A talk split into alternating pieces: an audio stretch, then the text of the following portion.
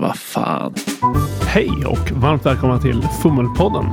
Det här är ett guldkornavsnitt. Vi tar en titt på det gnostiska nutidsskräckrollspelet KUF. Skrivet av Willem Persson. Vi ser vad vi kan hitta för guldkorn i den. Då rullar vi igång.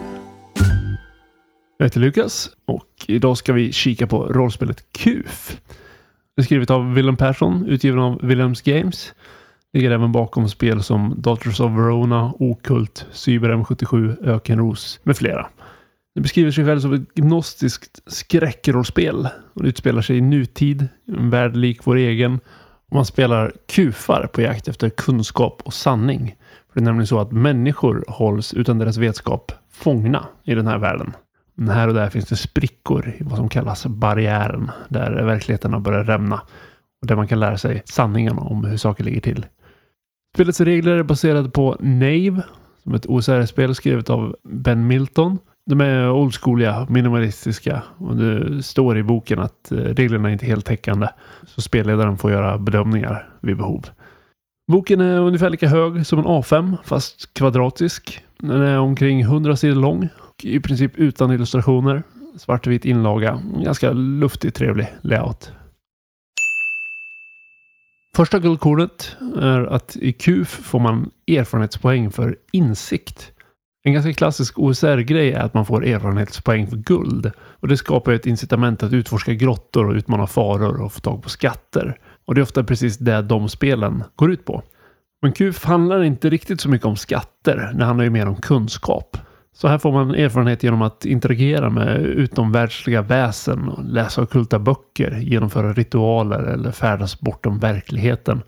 Och det skapar ju en drivkraft kring precis vad det här spelet handlar om. Att få tag på kunskap och insikt.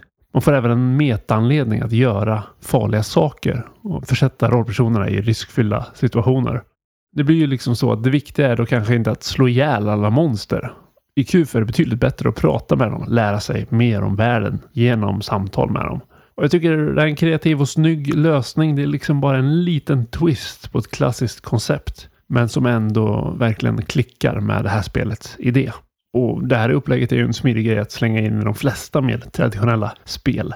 Det är alltid värt att fundera kring varför ska man få erfarenhet för det man gör och hur interagerar belöningssystemet med vad man har tänkt att spelet ska handla om. Så det är föredömligt gjort här i QF. Ett annat guldkorn är spelet är indelat i tre faser. I utforskande, konfrontation och återhämtningsfasen. Påminner lite grann om Blades in the Dark och liknande spel tycker jag. Man har en utforskande fas som en slags setup, lite mer övergripande. Man lägger grunden för en intressant situation. Det finns utförliga tips för spelledaren hur man skapar den här situationen. Man kan exempelvis locka dem till en farlig plats eller kanske få dem att vilja utföra en ritual eller något sånt där. Och sen går man in i konfrontationsfasen som bygger mot ett klimax. Det här befinner sig rollpersonerna i fara. Men de har även chans att få kunskap. Konfrontationsfasen är inte riktigt lika övergripande utan mer inzoomad på detaljer. Också här finns det händiga tips till spelledaren. Och sen när rollpersonerna är i säkerhet igen så börjar återhämtningsfasen. Den är också lite mer övergriplig. Man planerar vad rollpersonerna ska ägna sig åt under den här tiden.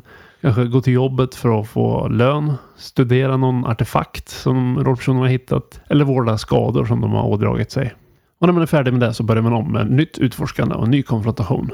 I många spel så är det här implicit. Det är upp till spelledaren och gruppen att själva lista ut och styra hur påbörjar man ett nytt scenario och hur rundar man av det och vad händer mellan scenarierna och sådär. Men här får man liksom bra verktyg, både för pacing och som gör det tydligt vad det är man ska fokusera på just då. Ett tredje guldkorn är spelets exempeltext. Det är hyfsat vanligt att ha en exempeltext i ett rollspel. Man kanske har små faktarutor som beskriver hur en viss regel kan tillämpas eller lite mer övergripande hur spelet kan gå till. Men här är det nästan 30 sidor exempeltext i form av dialog. Och det utgör nästan en tredjedel av boken. Och det här exemplet går igenom spelets olika faser, typ ett helt spelmöte. Det är förberedelser inför att spela, det skapar rollpersoner, det är ett eftersnack där man utvärderar vad som gick bra och dåligt. Det känns som väldigt naturtrogna konversationer. Och stundom ganska roliga också. Så det här kan man ju exempelvis läsa på förhand för att försöka förstå systemet eller kanske slå upp ifall det är något moment i spelet som man tycker är krångligt. Och det blir som en actual play i textformat. Man får eh, en överblick av så här går det till att spela det här spelet. Lite okonventionellt att ha en så här uttömmande exempeltext som utgör en ganska stor del av boken. Men samtidigt är det är väldigt pedagogiskt. Man får en väldigt tydlig bild av hur det går till att spela. Och jag för mig att Wilhelm har gjort det här i flera av hans spel. Avslutningsvis, jag tycker QF är en otippad och kreativ mix av regelsystem och genre. Just när man har det här OSR, ger sig ner i grottor med player skill och samtidigt har den här gnostiska skräcken som spelet handlar om. Det blir ganska intressanta resultat. Och även om det här är en lite konstig mix så känns spelet genomtänkt och väldesignat. Och eh, boken är pedagogiskt upplagd. Man får bra verktyg för att man ska kunna förstå hur man ska uppnå den här önskade spelupplevelsen. Då. QF går på eh, 100 spänn plus frakt på Lulu. Så om man är nyfiken på den här lite spännande mixen så kan man beställa hem ett ex där. Det var QF det. Har ni något annat ni vill att jag ska kika på? Hör gärna av er. Skicka ett mejl till info.fummelpodden.se. Tack och hej! Du har lyssnat på Fummelpodden som presenteras i samarbete med Studiefrämjandet. Du får gärna gilla vår Facebook-sida eller kanske följa oss på Instagram. Länkar finns i avsnittsbeskrivningen. Har du feedback eller tips på ämnen? Gör gärna av dig via sociala medier eller skicka ett mejl till info.fummelpodden.se.